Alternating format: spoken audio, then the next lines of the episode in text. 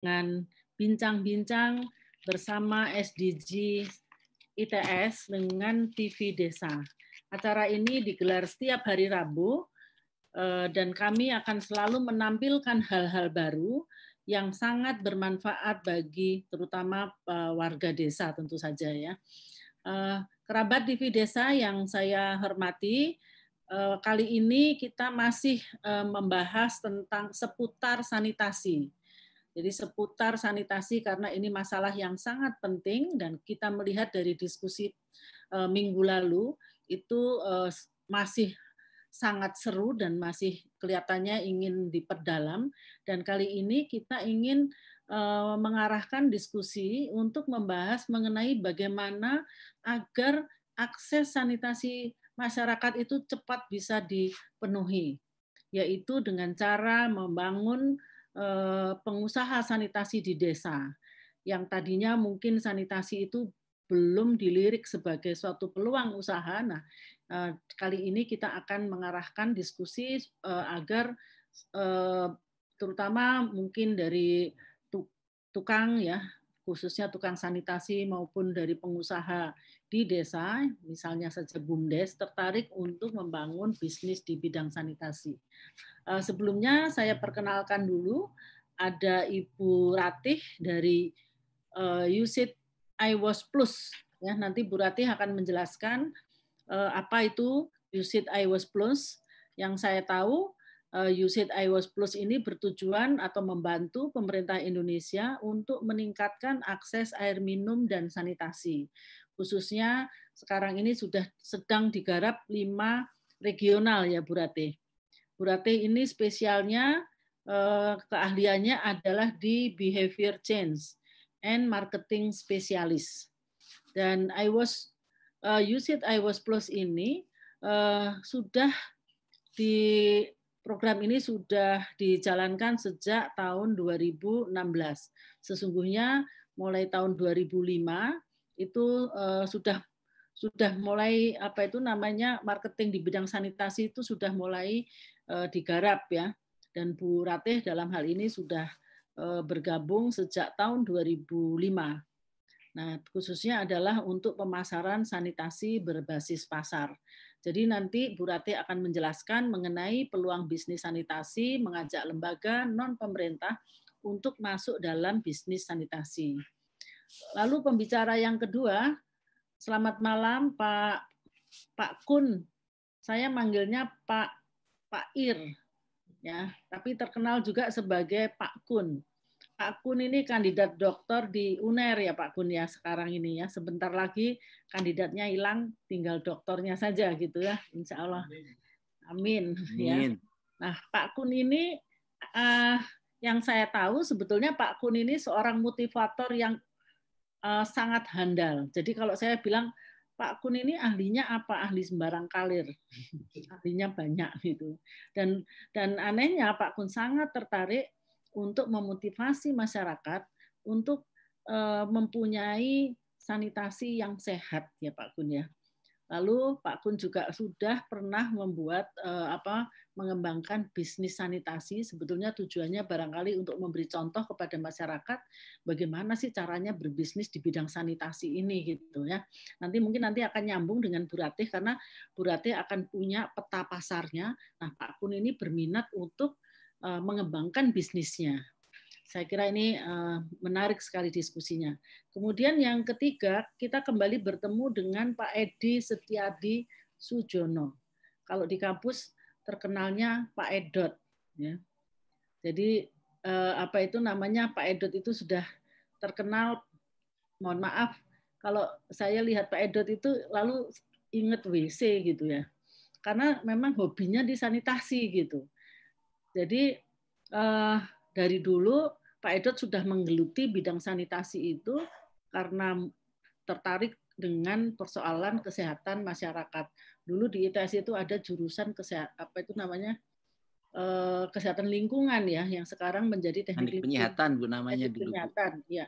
Lalu sekarang menjadi teknik lingkungan. Nah Pak Edot itu spesialnya di bidang sanitasi dan juga mungkin air bersih. Nah nanti mungkin Pak Ed, Pak Edot, saya manggilnya Pak Edot, mungkin akan lebih banyak menggarisbawahi bagaimana teknologinya supaya nanti kalau misalnya para pengusaha sanitasi itu menjalankan bisnisnya di desa-desa misalnya lalu yang dibangun itu tidak mencemari lingkungan. Itu yang sangat penting yang barangkali harus dikawal ya supaya nanti sanitasinya oke tapi lingkungannya tercemar itu kan uh, cukup mengerikan. Demikian uh, kerabat TV, TV desa tiga pembicara hebat uh, hari ini. Uh, untuk yang pertama, Bu Ratih, silahkan mungkin Ibu bisa menceritakan tentang Use It iWash Plus atau bagaimana sih namanya behavior change dan marketing sanitasi itu ya supaya masyarakat tertarik oh ternyata ini eh, apa peluang bisnisnya gede juga gitu ya Nah, sehingga nanti banyak dari desa, terutama mungkin saya sih berharap sekali BUMDes itu masuk ke sana supaya persoalan sanitasi di desa masing-masing uh, segera teratasi. Silahkan Bu Rati, Bu Rati mungkin waktunya sekitar 15 menit. Ya, terima kasih Bu Agnes Tuti. Bismillahirrahmanirrahim. Assalamualaikum warahmatullahi wabarakatuh. Waalaikumsalam warahmatullahi wabarakatuh. Iya, senang sekali saya diundang di acara pada malam hari ini karena bisa bertemu dengan orang-orang hebat. Ini para senior-senior saya, Bu Tuti. Ini Pak Edot dulu juga dosen saya di kampus. Jadi mohon maaf Pak Edot, ini saya duluan ya Pak Edot ya presentasinya nih. Iya, Padahal sebetulnya nih beliau dulu uh, termasuk penguji saya waktu saya uh, eh, S1 dulu ya. Semoga saya nggak kualat ini Pak Edot ya. Jangan khawatir. Iya, oke. Okay. Uh, eh, saya mohon izin untuk share uh, materi, Ibu. Ya, silakan Bu. Oke, okay, sudah bisa dilihat ya. Sudah. Jadi uh, saya Rati Astati Dewi, saya bekerja untuk program USAID iWAS Plus. Nanti di sini saya akan sharing sedikit tentang program-program dari kami karena USAID iWAS Plus sendiri adalah suatu program di mana program ini merupakan kerjasama antara dua negara, yaitu dari pemerintah Amerika dengan negara Indonesia, di mana uh, dari USAID ada untuk berkomitmen kepada pemerintah Indonesia untuk meningkatkan akses air minum dan sanitasi. Nah, khususnya di sini malam ini kita akan bicara khusus untuk sanitasi. Kenapa kok sanitasi dan kenapa uh, ini menjadi penting? Karena ada data-data yang menarik. Jadi saya akan menampilkan beberapa data tapi sebelum itu, eh, UCT Was Plus ini benar seperti yang disampaikan Bu Agnes Tuti tadi, kita bekerja di lima regional, mulai Sumatera Utara, kemudian ada di Jawa Barat, DKI, Jawa Tengah, Jawa Timur, dan regional uh, Sulawesi Selatan dan Indonesia Timur.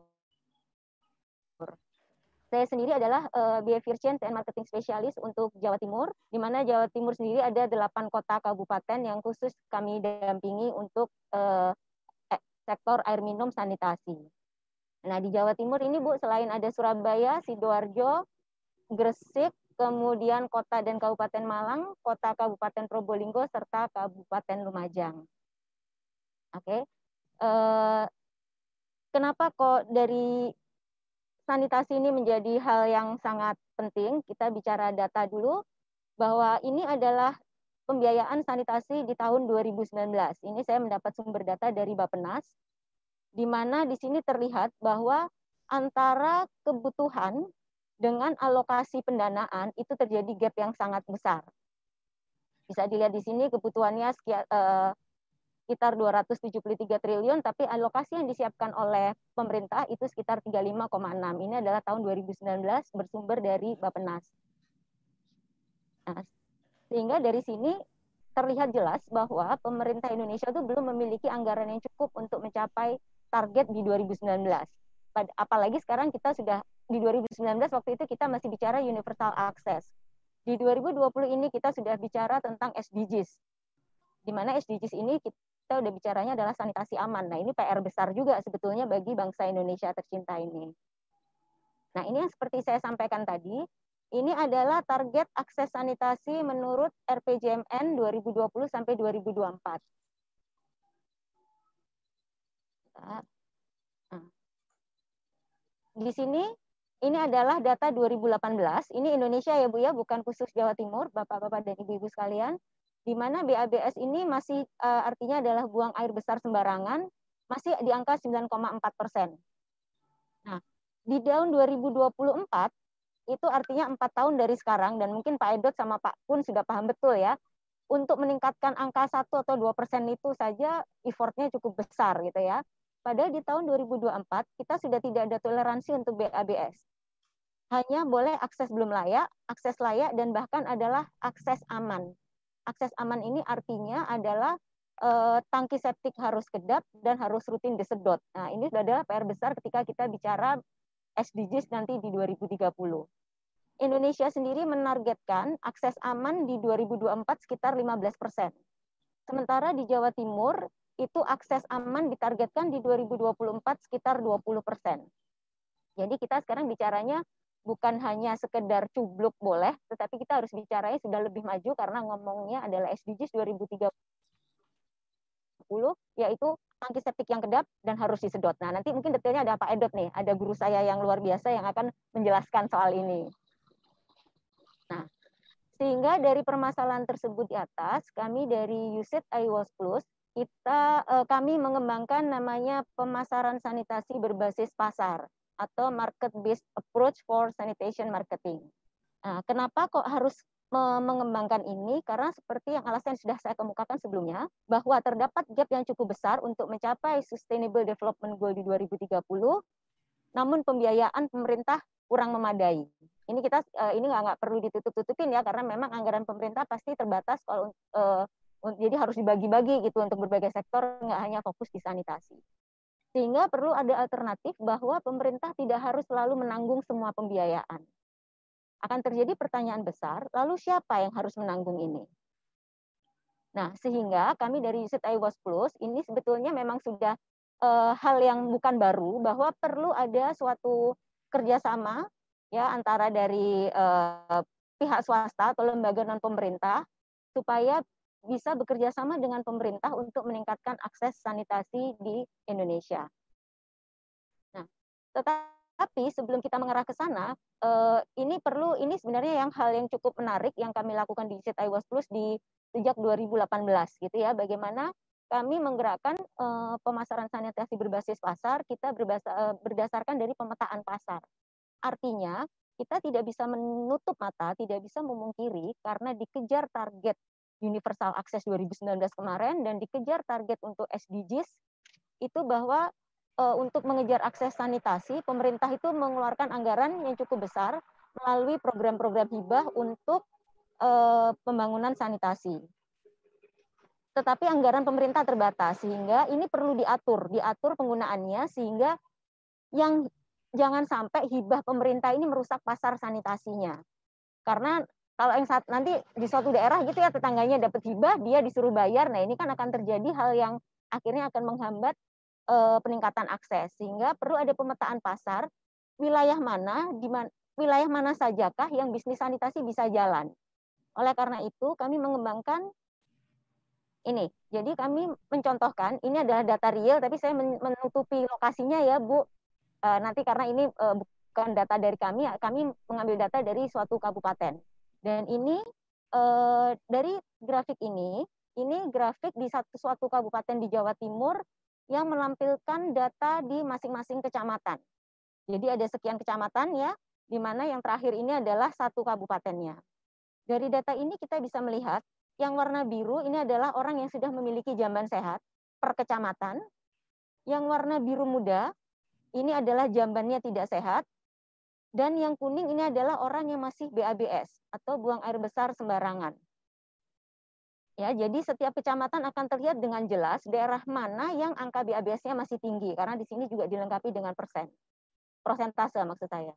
Nah, lalu inilah yang coba kami kembangkan adalah yaitu eh, di sini yang grafik berwarna merah ini adalah garis kemiskinan ya jadi adalah orang-orang yang uh, mendapatkan ini ya artinya mereka ini adalah uh, warga yang berhak mendapatkan hibah karena mereka memang masuk dalam garis kemiskinan. Kami berusaha ngeplot ya ngeplot ya bahasa ininya saya jadi bingung bahasa Indonesia apa nih? Antara akses sanitasi dengan garis kemiskinan.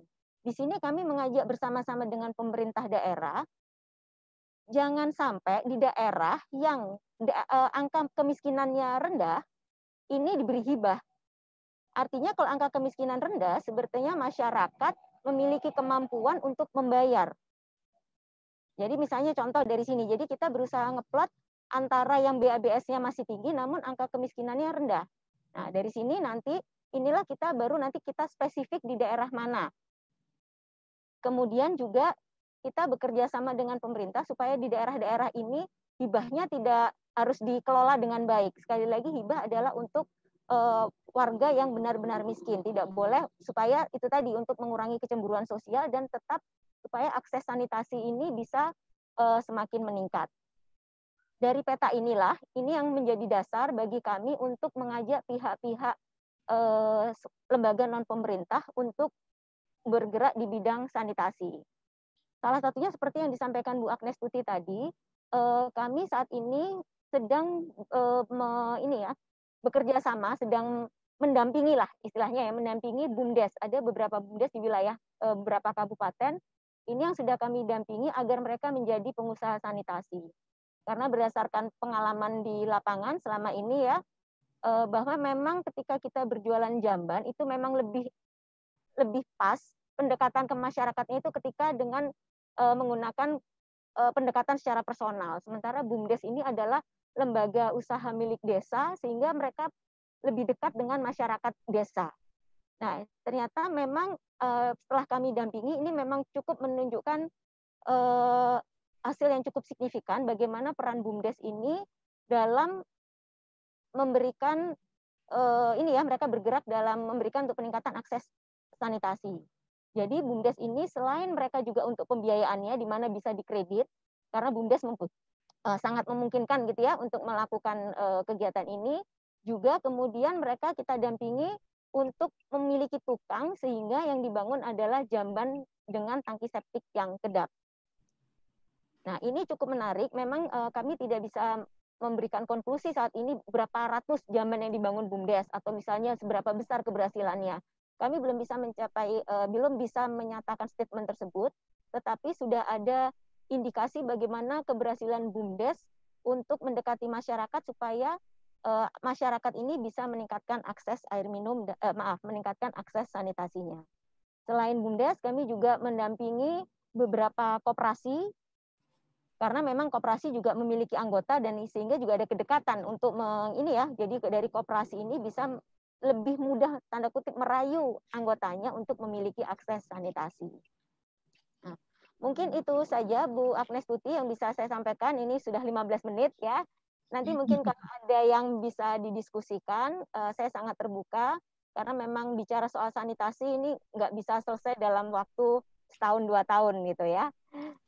Oke, saya kembalikan ke Bu Agnes Putih. Terima kasih. Selamat malam. Wassalamualaikum warahmatullahi wabarakatuh. Waalaikumsalam warahmatullahi wabarakatuh. Terima kasih luar biasa Bu Ratih informasinya.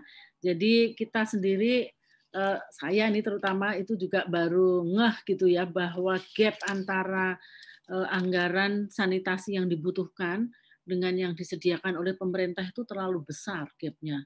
Bayangkan 273 triliun dan yang tersedia hanya 350 berapa satu atau empat tadi triliun. Jadi berseperberapanya itu Bu. Ya. Nah, oleh karena itu mengapa memang itu dikembalikan ke masyarakat ya Bu supaya eh, akhirnya anggaran itu atau biaya yang dibutuhkan untuk membangun sanitasi itu eh, di, eh, eh, istilahnya itu adalah swadaya mungkin ya swadaya masyarakat. Nah oleh yeah, karena itu mengapa perlu ada pemasaran sanitasi dan ini merupakan bisnis yang menarik. Yang menarik dari grafiknya ibu tadi ternyata eh, kelihatannya antara penduduk miskin dengan jumlah orang yang memiliki sanitasi itu tidak terlalu berkorelasi ya Bu ya. Betul, itu betul sekali. Iya, ya, Bu Tuti ini sangat teliti ya, itu betul sekali.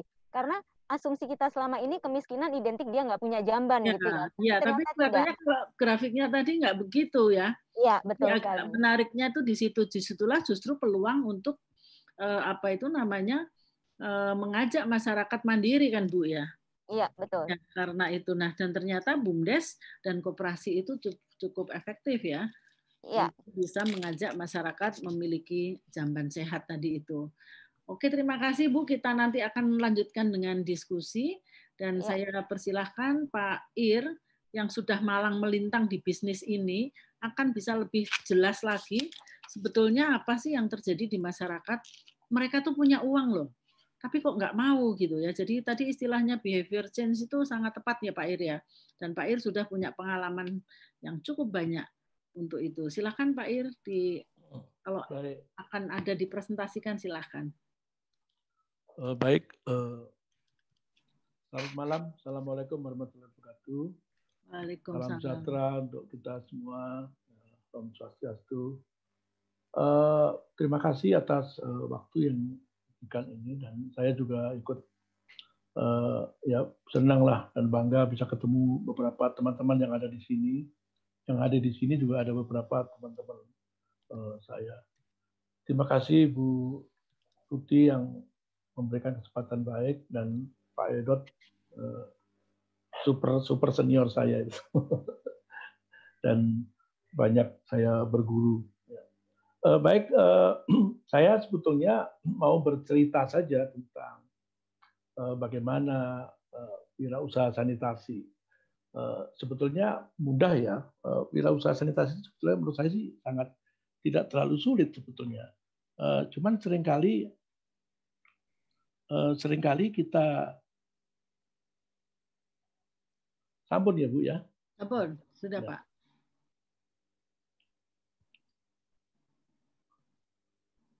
Nah, sering kali kita melihat uh, uh, tantangan yang berat ini uh, harusnya sebagai manusia yang ingin berkembang, uh, tantangan itu dibalik menjadi sebuah uh, peluang Ah, sering kali kata-kata yang muncul dari diri kita adalah bisnis jamban, gitu kan?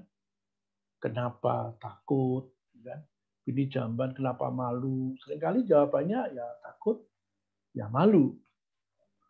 Eh, saya sendiri eh, menyatakan diri saya bahwa dalam eh, disertasi saya yang sudah saya sajikan dan maka diuji beberapa minggu ke depan ini bahwa saya siap menerima uh, tantangan bahwa jamban, dokter jamban tidak ada masalah.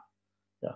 Dan juga uh, ketakutan ini harus kita buang hari ini juga bagi para pendengar yang uh, budiman yang bisa hadir dalam pertemuan ini dan juga malu ya tidak usah malu ya uh, begitu kira-kira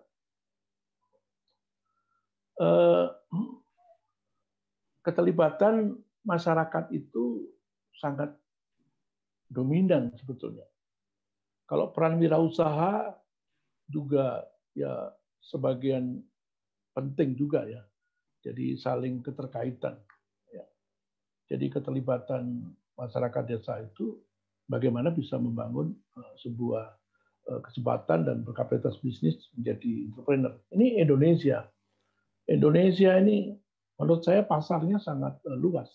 Jadi Mbak Ratih tadi menyampaikan dari satu kabupaten. Tapi kalau bicara Indonesia itu sangat menjanjikan sebetulnya ya. Nah, cuman belum ada pengusaha besar yang berani mengambil uh, kesempatan ini uh, bisa membuat model apa namanya uh, ya usaha yang yang besar sama dengan usaha-usaha yang lain. Dan ini dilatar belakangi oleh data aktual ya, yang terentre dari saya kutip dari Monep Kemenkes ya beberapa minggu yang lalu masih penduduk kita kapal keluarganya ada 71 juta sekian. Nah, dan 8 juta masih buang air besar sembarangan. Ini sangat eh, data ini benar bisa dicek eh, di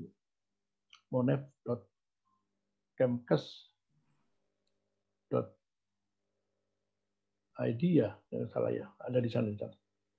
Artinya 79 persen, ya 79,75 persen kepala keluarga ya, itu stop, sudah stop. Berarti masih ada sisa. Dan kemarin uh, tadi mungkin uh, Barate saya juga ngutip uh, hasil formatif riset dari iWatch Plus uh, tahun 2018. Uh, temanya USAID Indonesia Open Water Sanitation Izin Penyiapan Lingkungan masih 23 responden belum memiliki uh, toilet. 77 persen responden mempunyai toilet dengan 12 persen di antara masih di limbah limbah ke sungai. Nah, berdasarkan latar belakang ini berarti ya,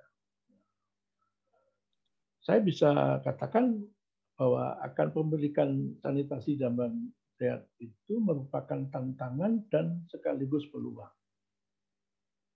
Kenapa mereka tidak memiliki jamban? Ya, karena akan menjadi penyebab perilaku masyarakat masih BAB sebarang tempat di bumi kita. Itu kalau tidak salah tiga ons ya, tiga ons atau berapa ons ya. Satu sekali orang buang besar. Itu kalau sekian dikalikan sekian juta tadi berapa ton? Saya tidak apa namanya tidak tidak akan pernah menyerah ya, bahwa ini adalah sebuah peluang. Nah, berdampak pada sanitasi buruk, ya, berpengaruh pada pengembangan kesehatan sumber daya manusia yang berada di sekitarnya. Tidak hanya pada mereka yang buang besar sembarangan, tetapi mereka yang ada di sekitarnya berpengaruh. Termasuk pengembangan sumber daya manusia atau masyarakat itu sangat terpengaruh. Mungkin dari sisi baunya, kelingkungannya tidak sehat, eh, sudah mulai tercemar ya dengan tidak eh, nyaman ya. Mereka selalu berdekatan, berhimpitan dengan penyakit. Nah ini sangat eh, merisaukan. Saya coba meringkas data tadi yang masih buang air besar sembarangan atau open defecation secara nasional itu masih ada 8 jutaan. Di Jawa Timur masih ada 800, 823 ribu. Di Surabaya masih ada 17 ribuan. Ini data yang kita lihat uh, update. Nah. Kemudian yang masih sharing ya secara nasional masih 5 juta.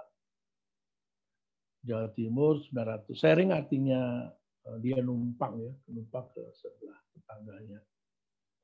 Ya, Surabaya masih ada 17 ribu. Eh, dan juga sanitasi semi permanen eh, banyak masih banyak. Nah, Bapak Ibu yang terhormat, secara logika bahwa pasar ini masih ada. Memang satu sisi pemerintah melalui dinas kesehatan akan mencari solusi termasuk lembaga-lembaga donor bagaimana memperkecil ya, masyarakat buang air besar sembarangan. Kemudian kita balik dari sisi pengusaha berarti ini sebuah peluang cukup besar. Ya, saya melihat peluangnya karena bagian penyelesaian soal penyakit itu sudah ada bagian dari dari dinas kesehatan atau lembaga-lembaga donor seperti iWatch Plus atau ITS sendiri juga ada. Namun dari sisi kacamata pengusaha bahwa ini peluang untuk memperbaiki ekonomi sosial bagi para pengusaha. Sebetulnya di musim pandemi ini juga sebagai eh, kesempatan Ya, saya sendiri sebagai usaha di Surabaya masih jalan. Ini juga ada pekerjaan yang harus dikerjakan. Ya, eh, kalau diupdate ya eh, selalu ada eh, kegiatan. Karena semakin masyarakat sadar akan berbahaya pandemi ini, semakin sadar pula mereka ya secara tidak perlu dipaksa ya akan membangun jamban ini karena akan ada ketakutan. Nah ini ya, jadi bagi pengusaha sebuah peluang. Bangun jamban itu memang beda dengan bangun usaha jamban itu beda beda bangun membangun atau usaha dengan produksi lainnya beda banget ya. mobil sepeda motor ya lemari semua dalam ruangan semua dalam pabrik dan bisa terkontrol kalau seperti kami ini ya daerahnya ya begini ya daerah Kumo ini kami ngerjakan di daerah Kumo di kota Batam ya ini di Batam dan ini eh, di Batam ini ya. Jadi eh, kelihatannya kota Batam, wah orang pada rame-rame ke sana. Jadi masih banyak daerah-daerah umum yang begini dan kita harus kerjakan dan melatih mereka untuk menjadi seorang eh, wira swasta, wira usaha dan cukup berhasil. Visi jamban sehat, kenapa malu? Menurut saya tidak malu. Karena apa? tidak sendirian. Seorang pengusaha jamban itu tidak sendirian karena kita akan ditemani oleh banyak lembaga-lembaga donor, khususnya pemerintah itu selalu menemani kita sebetulnya. Jadi mungkin ketakutan lebih dulu atau merasa malu lebih dulu, padahal kita tidak perlu malu. Saya sendiri menyatakan diri, eh, ya saya di kampus juga, saya juga seorang mengatakan sendiri kalau ada teman ya, jadi sekretaris kabupaten, dari kepala PP apa pejabat-pejabat, saya tetap tetap katakan memang saya usaha jamban. Ya, saya ditanya, Bapak ada kantor di mana? Ya, saya usaha jamban. Apa itu jamban? Ya WC baru WC. Rasanya tidak nyaman. Padahal bisnis jamban itu ini gambar-gambar yang ada di sini Bapak Ibu saya lihat ya. Ini keterkaitan mulai dari usaha jamban sampai dengan masyarakat sekitarnya ya Eh, mungkin kemudian juga bagaimana prosesnya mungkin nanti akan saya jelaskan eh, lebih lebih detail karena waktunya juga dibatasi. Ini eh, saya juga sedikit mengulang agak cepat saja ya perubahan tangga perubahan perilaku sanitasi sehat. Nah ini saya singkat saja. Orang yang buang air besar ini butuh proses penyadaran. Orang yang buang air besar butuh proses penyadaran sehingga dia sudah punya jamban. Perubahan perilaku yang higienis ini ODF berarti. Kemudian terjadi peningkatan perilaku, improve. Dan implementasi berperilaku hidup sehat dan seterusnya. Dana untuk OD ke ODF ini bisa menggunakan dana CSR atau lembaga donor seperti Bu Rati tadi sampaikan atau edukasi atau secara fisik ya. Banyak. Ada beberapa bank yang mau. Jadi kalau kita bisa buat proposal dia bisa kasih ya.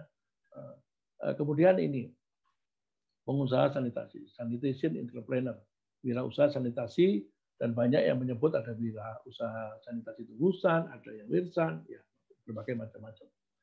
Saya tidak bahas komponen ini, tapi saya bahas bahwa pengusaha sanitasi itu bagian yang melekat di antara demand dan enabling.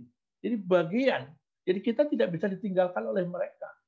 Ya, ya ini pemerintah ya menciptakan lingkungan termasuk keputusan-keputusannya, perda-perdanya di sini juga saya bahas. Jadi dari enabling ini, mohon maaf salah tulis mungkin ya. Komitmen pemerintah dengan peraturan daerah itu sangat membantu pengusaha sanitasi juga, penganggaran, keputusan bupati, keputusan-keputusan dokumen-dokumen lainnya. Ini juga sangat mengikat. Kemudian demand, advokasi ya pada sekolah, pada usaha, rumah tangga, perkantoran, walaupun sudah punya mereka terus lakukan eh, sosialisasi. Ya. Ini saya beberapa bulan terakhir juga melakukan eh, sosialisasi dengan model pasca eh, model pandemi yang terjadi. Ya ini, ya saya mungkin belum kirim ke beberapa teman. Ya ini saya sudah memulai membuat dan ini akan untuk menarik ya bagaimana jambanmu memperbaiki kualitas hidupmu ya dan juga jamban kok bisa nyicil. Ini saya cuma nyicil 223 ribu. Nah sekarang bayangkan kalau orang 223 ribu tidak mau membayar. Padahal kredit sepeda motornya sampai ratusan ribu. Kulkas juga punya. Ini tidak masuk akal. Berarti perubahan perilaku yang harus dilakukan. Ini kami segera mendukung Surabaya ODF. Maka kami mencanangkan beberapa strategi-strategi pasar ya untuk memudahkan pelanggan ya atau para mereka yang dengan keberatan membayar tunai bisa membayar dengan uh, cicilan. Ya, oke, okay, saya lanjut aja. Uh, saya juga kerjasama banyak dengan para profesor, dokter, kerjasama pembuatan jamban. Ini dokter-dokter dan UNER ini. Ya, angkatan tahun 1971, 1973, 1978 ini semua bergabung untuk membuat eh, bersama-sama dengan jamban. Kami usaha jamban juga punya SOP. Ya, SOP kami juga kita punya. Kenapa? Usaha jamban itu juga sama dengan perusahaan-perusahaan lain. Jadi sering kali, wah jamban. Ya, orang usaha jamban itu biasanya mukanya jelek, rambutnya tidak pernah keramas, mulutnya tebal, kulitnya hitam, pakai baju sobek-sobek, pakai celana kotor, pakai sendal jepit. Bolehkah seorang berpendidikan usaha jamban? Saya jawab, boleh. Ya, jadi ada prosedur. Prosedurnya adalah kerjasama dengan kader, dengan sanitarian setempat. Ini nyaman kalau kita bisa kerjasama dengan mereka, nyaman banget. Ya. Kemudian membentuk peta sosial di mana? Seperti Bu Rati tadi, kayaknya peta sosialnya sudah dibuat ya Bu Rati ya. Itu peta sosial yang penting itu sebetulnya bagi pasar sanitasi. Sangat penting. Dan karena ini proses ini juga kami lakukan bersama-sama dengan pemerintah, baik Pak Lurah, RT RW, eh, Puskesmas, eh, para bidan, para sanitarian, ya eh, mungkin dengan LH beberapa waktu yang lalu, atau sendiri ya kami sendiri dengan staf keliling untuk presentasi layanan sanitasi mencari soalnya kita mencari pasar. Kemudian terimaan order ya ini kami selalu lakukan di mana-mana eh, ini di masjid ya ini dengan para eh, petugas-petugas yang ada di sana. Kemudian layanan proses kita survei jadi usaha sanitasi survei lapangan menyiapkan material konstruksi produksi kontrol kualitas penyerahan pembayaran, model yang diharapkan bagaimana. Nah, ini modelnya secara singkat aja ya. Ini betul bulatnya tadi, jamban semua harus kedap. Setelah dari konsep, jamban ini harus kedap. Kedap, kedap, dan ini persapan. Ya. Dan betul harus aman, maaf, harus layak dan aman. Artinya kalau aman ya selalu disedot rutin sekarang ini. Ya, Dulu pengalaman saya, ya mungkin lima tahun yang lalu ada tamu dari Amerika. Ini mohon maaf ya, memang pengalaman itu harus bertambah. Ditanya, apakah jamban-jamban ini disedot? Saya jawab tidak. Ya, mereka geleng-geleng kepala menggunakan penerjemah bahasa Indonesia. Please you translate Irianto said. Jelaskan. Saya jawab lagi, ya memang tidak pernah disedot. Dia akhirnya menyadari dan mungkin dari sinilah harus aman septic itu harus disedot tujuannya untuk merefresh tangki-tangki itu supaya aman ke depan tidak mencemari lingkungan. Jadi harus disedot supaya layak dan aman. Ini yang untuk keluarga kecil, tadi yang untuk keluarga besar, ini untuk keluarga kecil. Nah, survei itu begini, ini oh ini rumahnya. Oke, saya survei dengan bawa peralatan. Ya, jadi ini ada proses eh, survei. Kemudian reproduksi alat-alat disiapkan, kemudian start mulai cangkul, dibuat lubang, ya galian sudah selesai, cetakan dimasukkan, kemudian dicor, dicek campurannya selesai dan selesai dan selesai. Nah, mungkin sebentar saja. Ini modelnya ada yang jongkok, dan ini di dalam rumah ya, ini di dalam rumah. Ini di dalam rumah. Ada yang model kloset jongkok, ada yang duduk, tergantung mereka. Ini ada di depan rumah persis. Ya, ini di pinggir sungai. Ini cara-cara yang tadi sudah saya jelaskan, cukup jelas. Dan ini pemipaannya. Dan ini pasangan kloset cuma 15 menit selesai. Ya, dan ini juga untuk kaum eh, orang maaf ya, tidak berada dengan bayar nyicil dan kita pisahkan serah terima. Nah, dalam serah terima ini Ini sering kali uh, orang juga ini dilihat Ibu, ini klosetnya di luar, ini dalam. Ini kadang-kadang mereka juga ingin membangun gedungnya sendiri. Gedungnya sendiri. uh, mungkin masih ada waktu Bu Tuti? Hampir, Hampir dua menit Pak. Dua menit ya, dua menit kita lanjutkan sedikit. Ya. Sekali lagi, apakah Anda tertarik mau menjadi pengusaha jawaban sehat? Nah ini tergantung daripada Anda. Kalau ingin detail, mungkin hubungi saja di uh, panitia ini untuk bisa mendapatkan informasi yang lebih uh, lengkap ya, karena kami juga tidak bisa uh, menyajikan secara utuh. Kami juga mengadakan pelatihan, ya langsung ke lapangan, ya langsung menyajikan hal-hal yang berhubungan dengan fasilitas yang tidak tidak nyaman mungkin bagi bagi kita ya. Tapi ketika kita bilang tidak nyaman, kita juga kadang-kadang mendapatkan hal-hal yang nyaman. Jangan dipikir orang usaha jamban itu selalu jelek, tepatnya selalu kumuh, ya, terus kok kok menjijikkan gitu kan.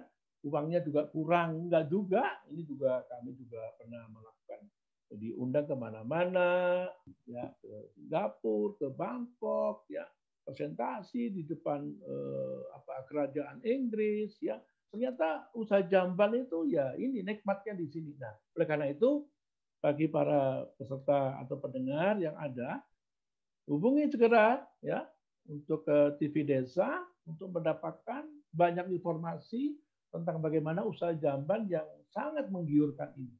Ini sebuah peluang yang kesempatan ini yang jangan ditunda-tunda ya. Bagi Anda yang ingin mencari kegiatan ya carilah seperti ini.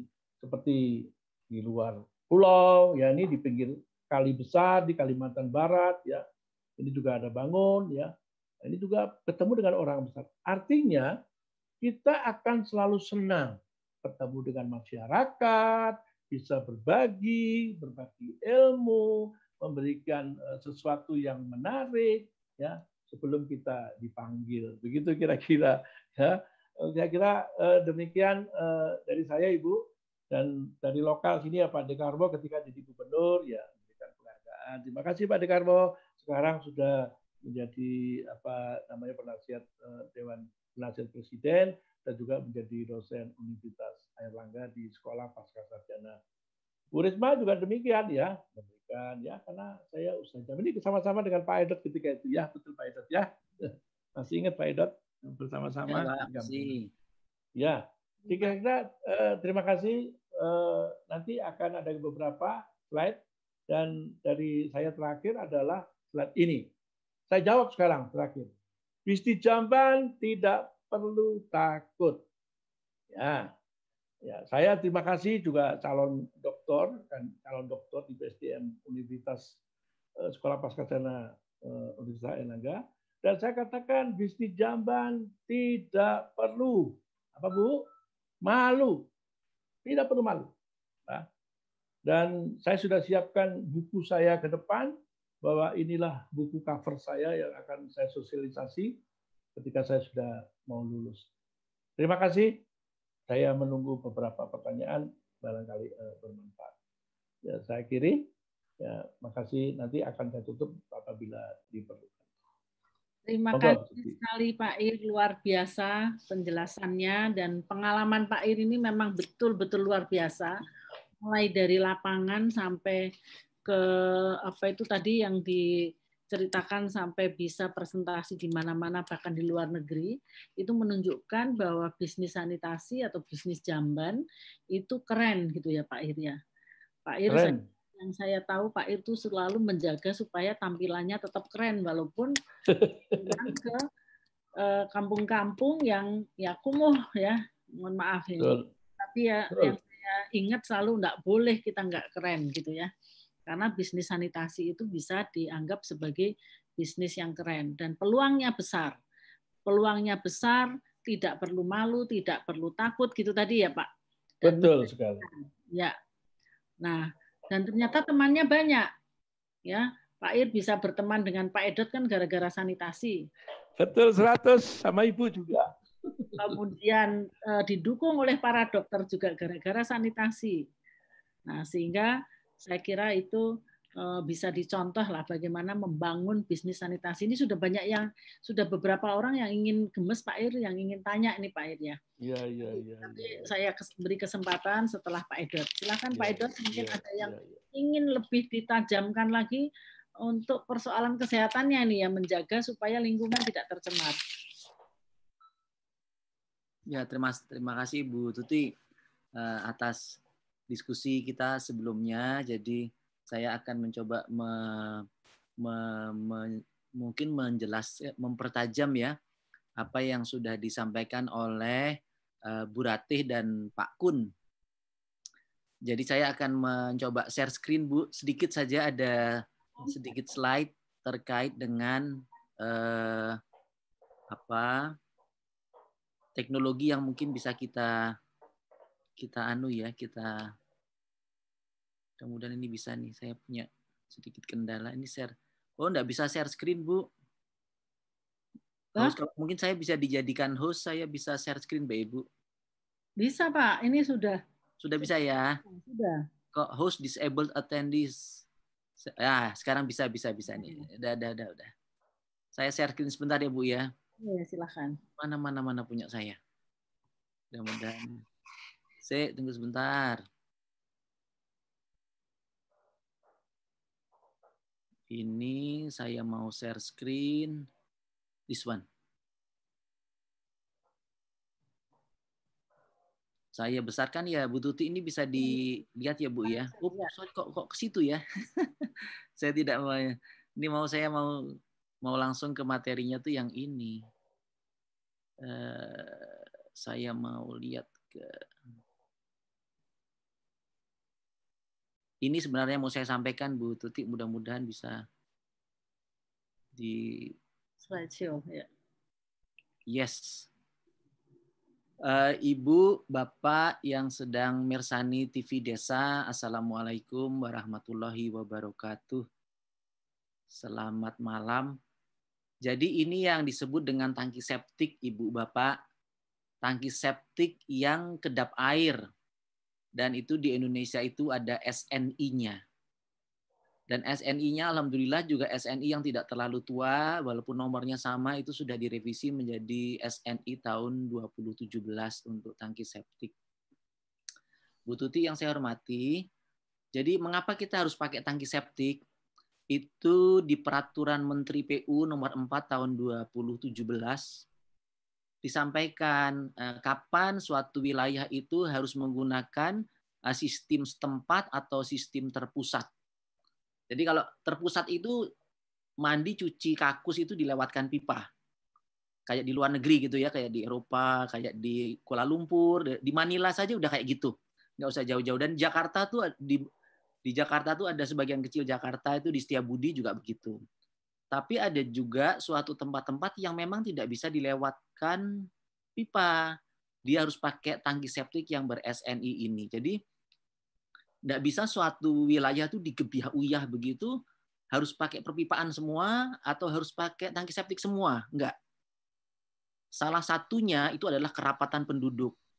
Jadi makin rapat penduduknya, bahkan tangki septik udah tidak boleh. Dan itu peraturan menteri itu kalau ditegakkan saja ini bersanksi hukum dan bersanksi ekonomi juga ya kayak Bu Rati bilang tuh ada sanksi AP. Maksudnya itu APBN kita tuh harus harus clear jangan sampai nanti ada aturannya tapi duitnya nggak ada tuh kan juga nggak nggak nggak bagus. Nah, kalau kita mengatakan juga bertangki septik, tangki septik itu nggak bisa dibangun bu kalau air tanahnya tinggi. Tapi karena kita ini tidak punya alternatif lain ya sudah di Jakarta, di Medan, di di Sidoarjo ya pakai tangki septik. Jadi sebenarnya membangun tangki septik itu tidak as easy as that. Memang dia harus clear, dia harus kedap air, dia harus dikuras itu very clear. Tapi sebenarnya tidak semua bisa menggunakan sistem perpipaan, tidak semua bisa menggunakan tangki septik, bahkan kriterianya jelas dan mudah-mudahan itu dijalankan jangan hanya jadi peraturan yang tidak mengikat. Jadi gitu ya. Jadi ada yang sistem setempat, tangki septik itu contohnya ada yang sistem terpusat itu pakai pipa. Nah, kalau kita punya tangki septik, yang atas ini Bu Tuti, yang atas ini namanya buih ya. Ini buih bukan karena sabun saja nih ya. Ini buih karena naiknya CO2 dan CH4 atau H2S itu naik ke atas. Nah, itu itu menggarai ada pelukutuk di atasnya itu. Jadi bukan karena sabun. Nah, yang buih ini dan endapan ini itulah yang harus dikuras. Di peraturan Pak Menteri itu very clear. Tiga tahun sekali harus dikuras. Bukan dua tahun, bukan empat tahun, apalagi dua puluh tahun. Tiga tahun. Lagi-lagi soal penegakan hukum itu cerita lain. Dan biasanya kalau kita tuh menguras itu kadang-kadang ikhlas ya sudah, pokoknya dikuras ya. Nah, kalau yang menguras itu pakai satuan meter kubik, rupiah per satuan meter kubik, akhirnya dikuras kabeh, Ibu. Sakjane yang dikuras itu ya cuma yang atas saja sama yang bawah saja. Dan yang bawah pun itu disisakan sekitar 3 sampai 5 cm menjadi starter mikroba yang akan memakan eh, tinja-tinja baru yang masuk ke dalam tangki septik. Jadi ojo diresihi nganggo sikat atau pakai apa insek apa uh, antiseptik itu enggak boleh. Nah, kalau itu disisakan 5 cm sampai 10 cm, itu ngurasnya menjadi tiga tahun sekali. Nah, kalau dikuras itu ada persoalan baru. Iki nek dikuras di luar masalah biaya, iku buahnya ning ngendi? Buahnya tuh lo ke mana? Orang sering menyebutnya tuh kan IPLT, tapi IPLT itu banyak yang tidak jalan. Sorry maaf ini saya saya autokritik ya, karena saya ini banyak membantu teman-teman di daerah itu menjalankan IPLT. Macam-macam, ada uangnya, ada institusinya, ada kelengkapan hukumnya, dan juga ke, ke SDM-nya. Banyaklah. Uh, iurannya pun jadi masalah. karena saja nih itu ya apa ya. Uh, padahal di salah satu atau salah dua kota tertentu, waktu tangki septik ini dikuras itu dimasukkan ke IT, Bu jadi waktu di waktu kami belajar ke ke mana ke Putra eh, Putrajaya di Kuala Lumpur eh, dua sampai tiga tahun sekali itu kita tuh pengen dikuras atau tidak dikuras itu disurati oleh PDAL ya bukan PDAM gitu ya perusahaan daerah air limbah gitu ibu sudah dua tahun bapak ini sudah dua tahun mohon izin ya kami mau ke rumah ibu dan bayarnya pun nggak bayar karena PBB itu PBB pajak bumi bangunan itu eh, included untuk menguras ini. Jadi kita tidak usah protes itu dia akan dikuras gitu loh Bapak Ibu. Jadi itu itu kan dari sisi teknologi yang mungkin menemani kita kalau memang nanti ada peluang bisnis yang baik itu ya teknologi nih mesti nih. Nah terus eh, gini eh, tangki septik ini ternyata punya anu ya Bu Tuti ya ada ukurannya. Jadi tangki septik itu ada ukurannya. Nah ini tangki septik itu ternyata ada yang hanya untuk air limbah kakus saja. Jadi kalau di peraturan Pak Menteri itu jelas kita kalau pintar bahasa Inggris kan menyebutnya grey water sama black water. Oke lah, kalau tuvelnya tinggi-tinggi nggak apa-apa, kita bisa in English ya. Otherwise sebagai bangsa besar yang menghormati bahasa Indonesia, peraturan menteri kita junjung tinggi, gunakanlah air limbah kakus dan air limbah non kakus. Nah, air limbah yang masuk ke sapi tank itu apabila yang kakusto ini panjangnya, lebarnya, tingginya tuh jelas Bu Tuti seperti ini. Dan angka panjang, lebar, dan tinggi itu berubah kalau itu tuh dimasukkan dengan air limbah non kakus. Itu mudah-mudahan dijalankan. Karena kita tuh tidak boleh membuang air limbah mandi cuci dapur tuh ke got. Tapi karena stigmanya tuh katanya membuang ke got itu nanti tangki septiknya rusak itu enggak eh, tahu ya karena seperti itu yang terjadi dan satu hal lagi Bu Tuti yang mau saya sampaikan ke Ibu dan Bapak Ibu yang lain, kami itu di di lab saya, kami sedang mencoba dengan beberapa perusahaan gitu, Pak Ir. Nah, jadi ya apa caranya kalau memang tangki septik itu bisa di, tidak perlu dikuras, karena memang kita sedang membuat mikrobiologi, ya apa caranya itu jadi dimakan dan seterusnya dan ya mudah-mudahan rodo-rodo berhasil. Tapi ini ini kalau nanti berhasil malah bisa jadi uh, di, dirubah itu peraturan peraturan menterinya dirubah karena saat ini tangki septik mungkin memang apakah betul bisa tanpa dikuras. Tapi yang jelas tangki septiknya harus kedap air eh, dan itu sehat seperti yang disampaikan Bu Rati dan Pak Ir. Bu Tuti hanya itu yang mau saya sampaikan. Terima kasih. Assalamualaikum warahmatullahi wabarakatuh. Terima kasih sekali Pak Edot yang sudah lebih menajamkan lagi dari sisi keamanan ya. Keamanan itu maksudnya keamanan dalam aspek uh, apa itu lingkungan ya dan kesehatan tentu saja ya. Jadi saya kira itu Bapak Ibu uh, kerabat TV Desa yang saya hormati, kita sudah mendengarkan tiga orang narasumber yang saling melengkapi.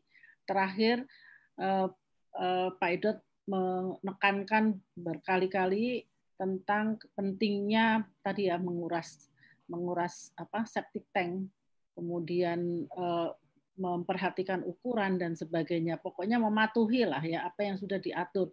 Sebetulnya peraturan menteri itu kan bukan hanya bukan dipakai untuk nakut-nakutin tapi justru dipakai untuk sebagai acuan bagi kita ya eh, apa itu eh, bagaimana sih caranya membuat jamban yang eh, sehat tadi ya ciri khasnya Pak Edot itu bahasanya campur-campur Pak Edot saya kasih tahu ya ini di sini tuh ada dari berbagai daerah ternyata yang ikut dan kita ditayangkan lewat YouTube sehingga ada orang Ambon, ada orang ini Pak Edot bahasanya ada bahasa Jawa, bahasa Inggris macam-macam.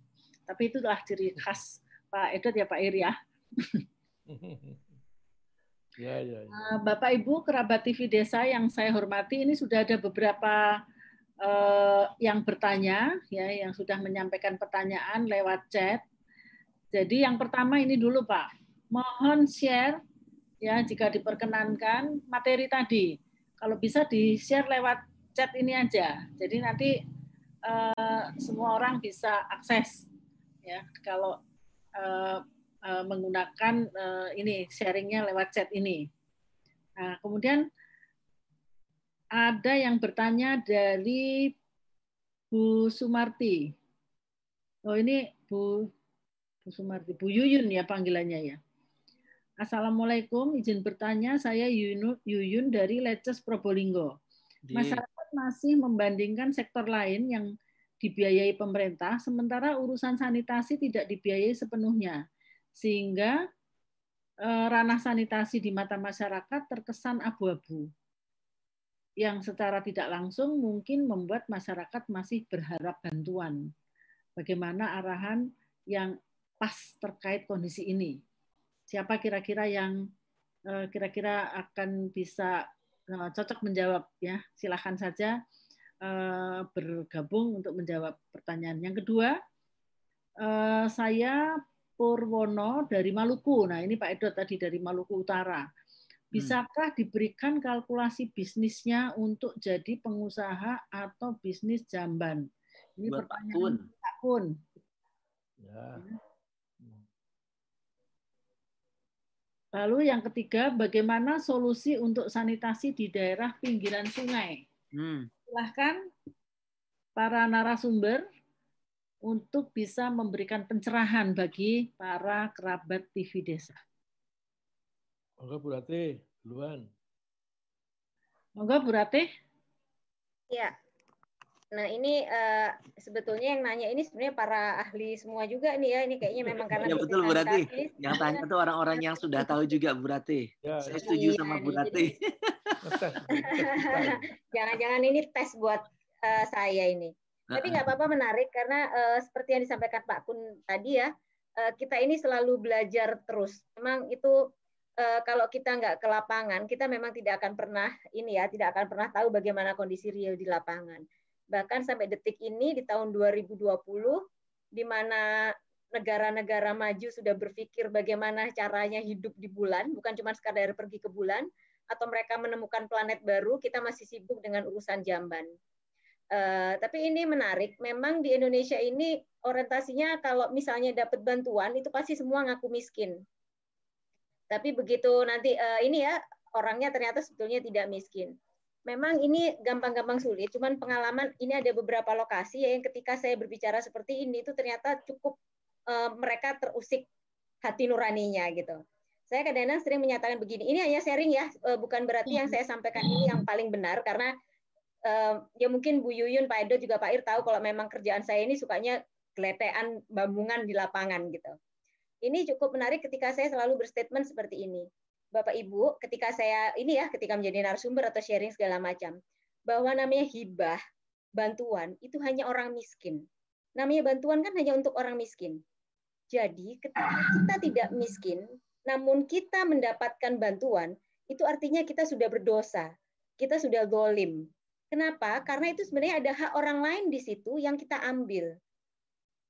Nah, memang eh, tidak semua orang bisa kena ya dengan kata-kata ini. Tetapi alhamdulillah Bu Tuti beberapa kali di lokasi saya menyatakan itu membuat orang jadinya mereka sekarang juga kalau ada hibah dari program CSR, kebetulan saya juga mendampingi beberapa lokasi untuk mendapatkan CSR gitu ya, itu memang langsung dipilih benar. Wah ini nggak boleh, ini orang ini nggak boleh dapat hibah karena harusnya dia mampu. Ini ternyata cukup menggerakkan ketika kita mengusik hati nurani mereka terkait agama. Bahwa hibah itu sebetulnya hanya orang miskin. Ketika kita tidak miskin mengambil, ini ada hak orang yang kita ambil. Nah, mungkin banyak trik-trik lain, banyak eh, hal-hal lain yang ditemui di lapangan Nanti Pak Kun juga sama Pak Edot bisa uh, men-sharingkan, tapi beberapa saat terakhir ini saya selalu menggunakan menggunakan kalimat tersebut dan ternyata alhamdulillah bisa ada ya walaupun sedikit tidak banyak tapi ternyata bisa berefek juga di masyarakat. Mungkin itu Bu Agnes Tuti dari saya. Terima kasih Bu Rati. Kami juga pernah Pak Bu Rati punya pengalaman yang serupa ya saya dengan Pak Edot dulu waktu di Tuban ya Pak Edot ya. Itu kan ya, uh, Ya, semua orang pengen dapat bantuan. Semua orang pengen dapat bantuan. Begitu dikasih bantuan berapa? 150 ribu apa 250 ribu? 150 bu. Ya, ternyata mereka itu mengeluarkan uang sampai satu juta lebih, bahkan ada yang 5 juta. Loh yeah. kok banyak gitu. Tapi nunggu dikasih bantuan dulu gitu. Itu aneh memang masyarakat kita itu. Untuk pertanyaan kedua, atau mungkin Pak Ir mau menambahkan yang yeah. jawaban Bu Ratih juga boleh. Yeah. Ada pertanyaan khusus Saya... Pak Ir ini. Iya, saya yang menambahkan dari menambahkan Bu Ratih. Eh, memang berbagai pengalaman. Eh, saya pernah eh, dalam penelitian saya kemarin itu fokus ke bagaimana eh, sebuah kecamatan atau kelurahan itu UDR. Ya, namun demikian, ketika sudah terdata di puskesmas, ya kalau dibunyi siapa yang belum punya, dia akan menjawab ada dua pertanyaan. Kalau dibantu ya ngaku belum punya. Kalau tidak dibantu ya ngaku sudah punya. Jadi sering kali tarik ulur ya. Jadi tinggal 20 29. Nah, udah kita carikan DSR dibangunlah 29. Tapi ketika masih proses dibangun muncul lagi ini tambahan 19. Ya itulah serahkan Bu Rate aja bahasanya tadi ya Bu saya sependapat. Ya. Uh, saya terima kasih penjelasan uh, dari Pak Edot ya memperkuat ya, tentang bisnis jamban. Memang bisnis jamban harus sesuai dengan aturan-aturan, peraturan-peraturan yang perundang-undangan yang berlaku.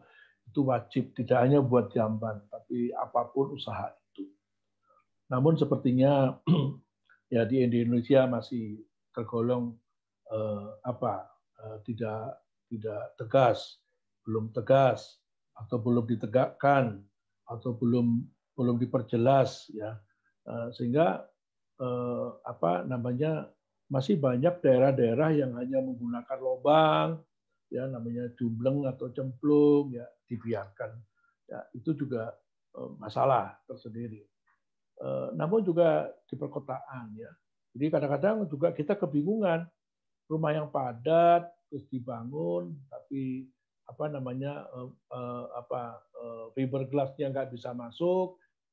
Pengalaman saya ada di Gayungan Gayung Sari, rumahnya sampai dijebol, ya orangnya keberatan, akhirnya dibiarkan. Maka uh, baru ya mungkin ada alternatif undang saya, Pak ini Pak Lurahnya ngundang saya, terus kemudian bagaimana Pak ini cetakannya nggak bisa masuk, ya pintunya sempit, ya kemudian eh, rumahnya juga sempit, jadi jebol atas dia nggak mau karena cetakannya dimasukkan mau dibuat di dapur. Ya alternatif kedua adalah model yang eh, selama ini kami jalankan, ya hanya sekedar bawa cetakan eh, dimasukkan. Eh, masalah nanti standarisasi ya mudah-mudahan nanti kalau memang ada checking ya kalau memang pemerintah sudah melakukan checking ya harus dilakukan perbaikan sesuai dengan standar itu. Ya, saya menyadari itu sangat penting. Baik, dan juga tadi ada pertanyaan mengenai penjelasan Bapak Pak Edot mengenai ini mengenai apa namanya tidak perlu dikuras betul Pak Edot ini Profesor Dr. Agus Heri dari Fakultas FKH UNER sudah meneliti dan ketemu namanya biofermentor, ya, biofermentor ya, yang mana biofermentor ini eh, bisa mempercepat eh, proses eh, apa namanya penguraian tinja itu. Ya. Ada surat dan sertifikatnya. Nanti mungkin kapan saya bisa share. Pertanyaannya Pak Bur. Halo semua, saya sapa dulu. Ini ada Pak Bur juga kenal dengan saya Bu. Ya. Dari Halma Era Barat. Ya. Ada Kukus Nul ya semuanya yang saya tidak sebut semuanya. Pak Pur menanyakan hitungan bisnis. Saya masih teringat dulu juga saya memulai bisnis ini eh, apa namanya eh, ada Pak Edot, ada Bu Tuti ya. Eh, saya ingat sekali ya bahwa memang tidak mudah eh, mengawali bisnis ini. Eh, kuncinya hanya dua tadi, tidak takut dan tidak malu. Ternyata kesimpulan saya begitu. Saya tidak malu di hadapan para ibu tutik yang ketika itu juga sudah doktor, Pak Edot juga sudah doktor ya, eh, PhD. Eh, saya tidak malu ketika itu berbicara tentang jamban. Bahkan saya berpikir beliau-beliau ini yang sudah memiliki tingkat ya gelar yang tinggi masih berbicara tentang jamban. Jadi saya tidak takut dan saya tidak malu. Nah, mengenai hitungannya sederhana. Ya, sebetulnya eh, kalau saya hitung modal nggak sampai 5 juta ya sudah bisa menjadi usaha. Eh, saya bercerita tentang pengalaman juga. Ketika usaha itu eh, saya ada sedikit kekeliruan tapi banyak eh, kebenarannya bahwa usaha jamban ketika itu saya tarii uang mukanya semua dan uang muka itu saya belikan bahan Ya, jadi saya kumpulkan kira-kira orang 20, ya rata-rata dia bayar 200 ribu, berarti saya punya uang 20 juta, saya belikan bahan dan saya belikan cetakan. Nah, itu sudah sedikan modal. Nah, selama kita mau jujur, kita mau serius melakukan usaha ini. Dan yang penting ada cetakan yang paling cepat. Kenapa kok eh, di sini saya coba boleh share lagi sedikit ya, boleh ya gambar? Ya silakan Pak Ir. Uh -uh. Uh, Gambarnya yang mana nih? Oh, ini. Nah, ini uh, jujur cetakan ini, ini ya cetakan ini. Modelnya cuma cetakan ini aja. Gambarnya belum, Pak Ir. Ini, Bu. Oh ya. Ini. Ya. Jadi modalnya cuma cetakan aja. Ini cetakan, ya. Uh, waktu digali tadi, waktu penggalian, waktu penggalian awal, nah, waktu penggalian awal ini, nah ini maaf,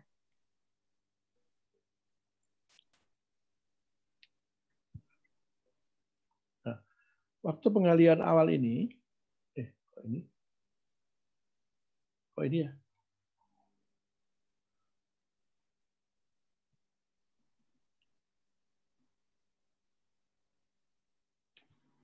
Hilang bu gambarnya. Oh ini saya ulang lagi coba.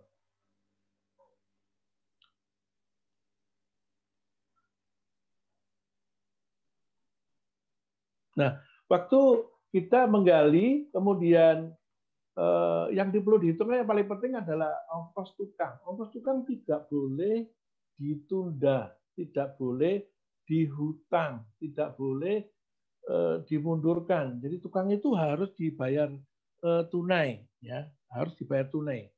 Jadi ini yang jadi masalah eh, ongkos tukang. Eh, tadi eh, di mana ya tadi? Bentar.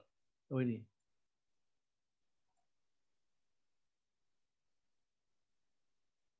Nah, ini. Waktu penggalian ini berarti kita butuh tenaga. Nah, tenaga ini kalau di Surabaya ongkosnya sekarang sudah 500 ribu. Surabaya. ya. Kalau di daerah seperti Bu Yuyun, Bu apa di Jombang itu ya masih murah, tapi di Surabaya sudah 500 ribu nggak bisa. Enggak. Kemudian yang kedua cetakan, ya ini cepat sekali cetakannya ini ringan dari bahan fiber ya. ringan sekali. Dan juga bahan. Jadi bahan. Bahan-bahan ini yang dicor untuk semen ini. Ya, modalnya cuma itu aja. Jadi kalau ada uang 5 juta mungkin sudah bisa eh, dibuat dan kalau bayar tunai di daerah biasanya bayar tunai. Karena di daerah luar pulau itu orang justru kaya-kaya semua ya. Eh, jadi kira-kira begitu eh, Pak Pur. Bisa langsung komunikasi kah interaktif Ibu Tuti kalau mereka ada pertanyaan?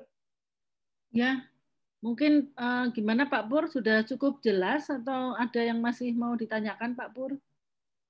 Sudah cukup jelas, jelas. Terima kasih okay. Pak Pur. Oh siap ya. Pak Pur, ya. Go. Ini saya keluar gimana nih saya keluar? Stop. Di... Stop. Apa? Stop, Pak, Pak Ir. Oh, stop share ya. Oke. Okay. Ya. Oke, baik. Terima kasih Pak Ir. Lalu ada pertanyaan lagi nih kelihatannya soal dari sisi teknologi ya. Bagaimana eh, apa solusi untuk sanitasi daerah pinggiran sungai? Mungkin Pak Edward bisa menjelaskan. Ya, terima kasih Bu. Uh, jadi uh, saya nggak tahu Pak Pak Pur tadi di mana karena kebetulan waktu itu Halmahera itu menjadi contoh uh, waktu itu nama teman saya namanya masih namanya Pak Sarwono ya. Sekarang Pak Ono itu pindah ke Jakarta. Tapi waktu Pak Ono lulus dari S2 di ITS, beliau kembali ke sana. Itu dia perumahannya kayak di Banjarmasin, Bu. Jadi rumah-rumahnya tuh di atas kayak orang Bajo atau gimana gitu ya. Rumah-rumah itu ber-IMB loh, Bu. Itu bukan rumah liar, tapi rumahnya itu di atas air. Ada yang di atas laut, ada yang di atas sungai. Nah, kalau di atas seperti itu kan jelas-jelas nggak bisa dikasih tangki septik gitu ya. Jadi eh, teknologi itu benar-benar sesuatu yang membuat orang itu hidupnya nyaman. Jadi sebenarnya tidak ada alasan orang tinggal di atas sungai dan itu rumah-rumah eh, tidak ilegal apalagi ya. Nah, jadi harus pakai sistem perpipaan Bu. Jadi Bu Tuti kalau ada orang tinggal di atas sungai ya harus pakai sistem perpipaan. Tapi harusnya jadi pakai kayak ipal permukiman, eh, ipal permukiman. Ipal permukiman itu di masyarakat sering disebutnya dengan ipal komunal ya dalam aspek hukum nanti Pak itu ahli hukum tidak boleh baru bahasa Indonesia itu lagi-lagi salah ya.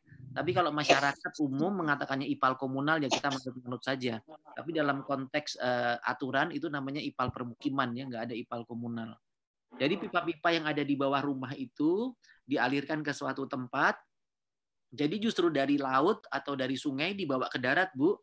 Nah sehingga nggak bisa lagi pakai tangki septik tapi sedikit lebih advance dari tangki septik karena kan yang dialirkan itu sebenarnya juga yang dialirkan jangan tinjanya saja ya, jangan limbah kakusnya, tapi juga mandi cuci dapurnya. Sebab sebenarnya ini lagi-lagi peluang bisnis bahkan tapi bukan sekarang saya tidak tahu ya. Itu kan di mana-mana kalau kami dari lingkungan itu kan ingin membuang kata-kata limbah dari kamus bahasa Indonesia. Kata-kata limbah dalam bahasa Indonesia itu kalau ditulis dalam kamus tuh kayak tidak tidak anu ya tidak berterima kasih kepada Tuhan. Jadi yang namanya tinja, yang namanya pipis, yang namanya sampah itu kan semuanya benda-benda yang bisa didaur ulang. Ya mungkin ada yang namanya residu, itu lebih terhormat mengatakannya residu. Tapi ya apa boleh buat sampah itu kan sudah dikenal. Jadi mestinya eh, benda-benda yang apa ya yang eh, limbah tadi itu dibawa ke darat, tidak lagi pakai tangki septik ya Bu ya, tapi ada yang namanya anaerobic baffled reactor, ada lagi yang namanya macam-macam gitu ya. Nggak enak saya berceritanya karena lebih advance. Nah, bahkan yang keluar tuh jadi bening, Bu. Dan ternyata di Surabaya yang begituan sudah cukup banyak walaupun memang BUD, CUD itu cerita lain, tapi bentuk bening itu udah orang membuat wacana berubah.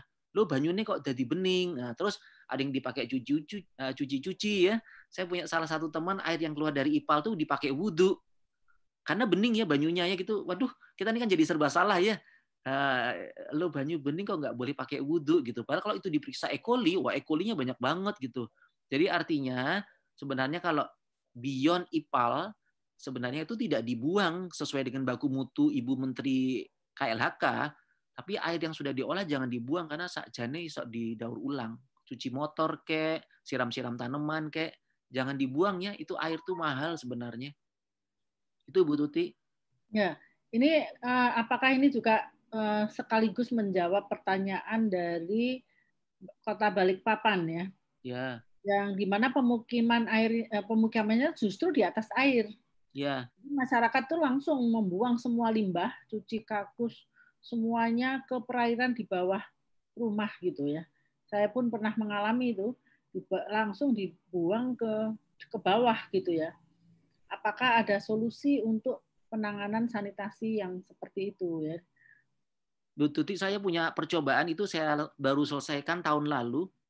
Jadi saya hanya melebatkan air limbah itu di tanah uh, hanya dengan uh, ke, apa namanya uh, air limbah itu saya suruh lewat di, di tanah itu dengan jarak jarak lewat itu hanya satu meter satu meter bu ya jadi air air itu jadi dari dari rumah dimasukkan dulu ke dalam tanahnya yang di bawah rumah bu jadi masuk ke dalam air pipanya jadi air limbahnya itu dimasukkan ke pipanya masuk ke dalam tanah bu ya jadi lewatnya cuma satu meter kedalaman pipa itu ternyata penyisian BOD, E. coli dan sebagainya itu bisa di atas 70% loh Ibu. Jadi itu kayaknya memang jadi kalau pemerintah tegas tidak boleh dibuang ke maksudnya gini, saya suka bayangkan ya. Jadi pipa itu dari rumah mandi, cuci dapur, kakus, odol, semuanya dibuat pipanya tuh ditembuskan dulu ke ke bagian tanah. Jadi pipanya tuh pipa 200 mm gitu dari PVC Bu, panjangnya yang ada 4 meter itu udah cukup insya Allah nggak pakai dua lonjor. Tapi pipanya tuh dimasukkan ke bawah tanah apa Jadi, dasarnya sungai. Jadi kan rumahnya kan di atas sungai. Nah pipanya tuh dimasukkan ke dalam bu selama satu meter. Itu hmm. air itu tidak akan penuh bu, jangan khawatir. Ini orang kadang takut banget sih.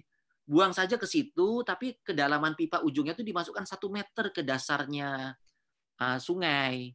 Hmm. Itu air yang keluar insya Allah tuh bersih bu. Ya itu 70 persen, 80 persen itu jauh lebih bagus daripada dibuang langsung ke uh, sungai. Iya. Tapi kalau memang mau mau apa kesatria sebagai pengelola negara, bukan pengelola pemerintah ya, saya tidak mengatakan pemerintah tapi negara, mestinya ya dibawa ke tepi sungai, diali apa diolah seperti yang tadi saya sampaikan Ibu. Terima kasih. Oke, jadi gitu Pak uh, dari Balikpapan Pak siapa ini? Oh Bu Mega. Bu Mega Bu. Balikpapan ya.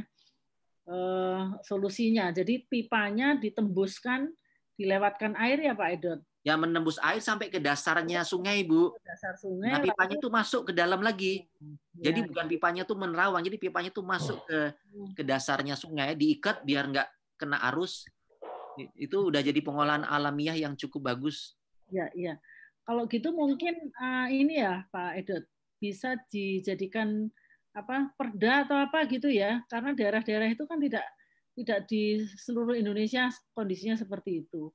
Jadi tergantung pada eh, apa itu kondisi alamnya masing-masing kan ya. Uh, saya rasa nggak tahu ya. Ayo kita bicara hukum. saya beberapa kali diajak pemerintah daerah membuat ranperda dan apa naskah akademik. Uh, kita harus melihat atua, uh, tapi saya rasa nggak akan melanggar hukum bu karena itu jauh lebih baik menyelamatkan lingkungan. Anak cucu kita lebih bagus terjaga daripada tidak dia. Jadi artinya hukumnya tidak ada tapi dibiarkan. Itu kan lucu ya.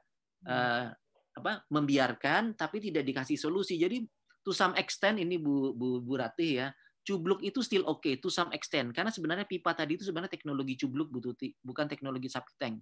Tapi kalau kita clear kita kesatria pipanya di jadi ipal jadi espal ya sistem penyaluran air limbah gitu loh Bu jangan ya harus ada solusi ya ya setuju Baik, eh, kerabat TV Desa yang saya hormati, ini sudah semakin dekat jam 8, tapi masih ada sisa waktu sedikit. Silahkan kalau ingin ada yang ingin tanya langsung. Ini tadi dijawab oleh anu ini ilmu baru nih dari Pak Edot apa sudah bisa dirilis ya? Ada ada ini, ada respon Pak Edot. Tapi nanti saja, mungkin uh, kita dengarkan dulu. Mungkin ada yang ingin bertanya langsung, silahkan. Mungkin mungkin papernya bisa saya kasih bu, kalau nggak salah udah kami publikasikan kok. Oh, Oke. Okay. Sudah bentuknya sudah artikel. Ya.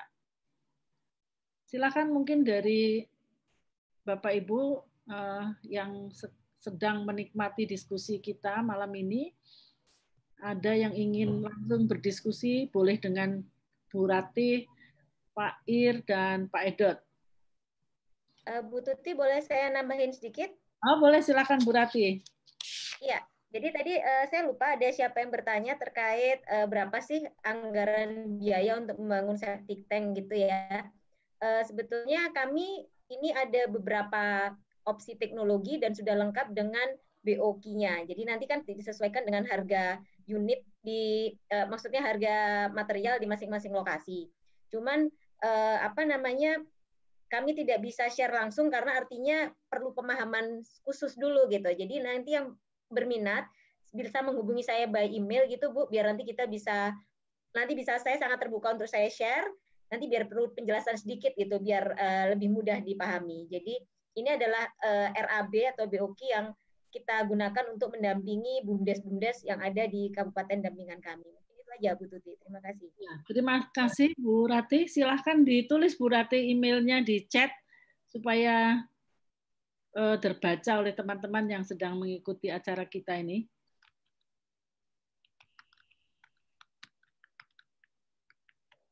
Mungkin masih ada yang lain yang ingin bertanya langsung. Kita masih punya waktu sekitar 9 menit. Ya, sambil mau tanya, Oh ya, silakan. Silakan. Silakan. Ya, mungkin Pak Edot juga ya. Saya Purwono Pak dari Maluku Utara, Ternate ya. Saya sempat lihat ini apa kemarin banyak bantuan itu berupa kayak kapsul itu kayak sapi tank itu ya kapsul-kapsul itu besar-besar itu ya kan. Bahkan saya nggak tahu itu untuk uh, fasilitas umum sepertinya. Cuman isunya di masyarakat nggak tahu ada yang nggak dapat ada yang dapat tapi uh, itu belum ditanam. Sedangkan isunya di masyarakat itu, itu jangan ditanam nanti meledak itu. Hmm. awas alat ini lah ini nggak tersosialisasikan dengan baik alat, hmm. kayak gitu ya. Jadi akhirnya mangkrak. Hmm mangkrak nggak digunakan karena mereka takut itu. Jadi padahal memang wilayah situ memang untuk membuang uh, eh, BABS-nya memang apa memang sangat banyak ya. Jadi makanya ada alat itu untuk di fasilitas umum. Tapi ya itu informasi yang disebarkan itu mungkin karena ada yang nggak dapat dia bilang itu awas meledak kalau nggak anu ya. mungkin bisa kasih pencerahan itu seperti apa ya Pak ya? Mungkin saya bisa nanti share ke masyarakat di sekitar saya. Bisa dijawab Bu Tuti ya? Ya silakan silakan Pak Edet.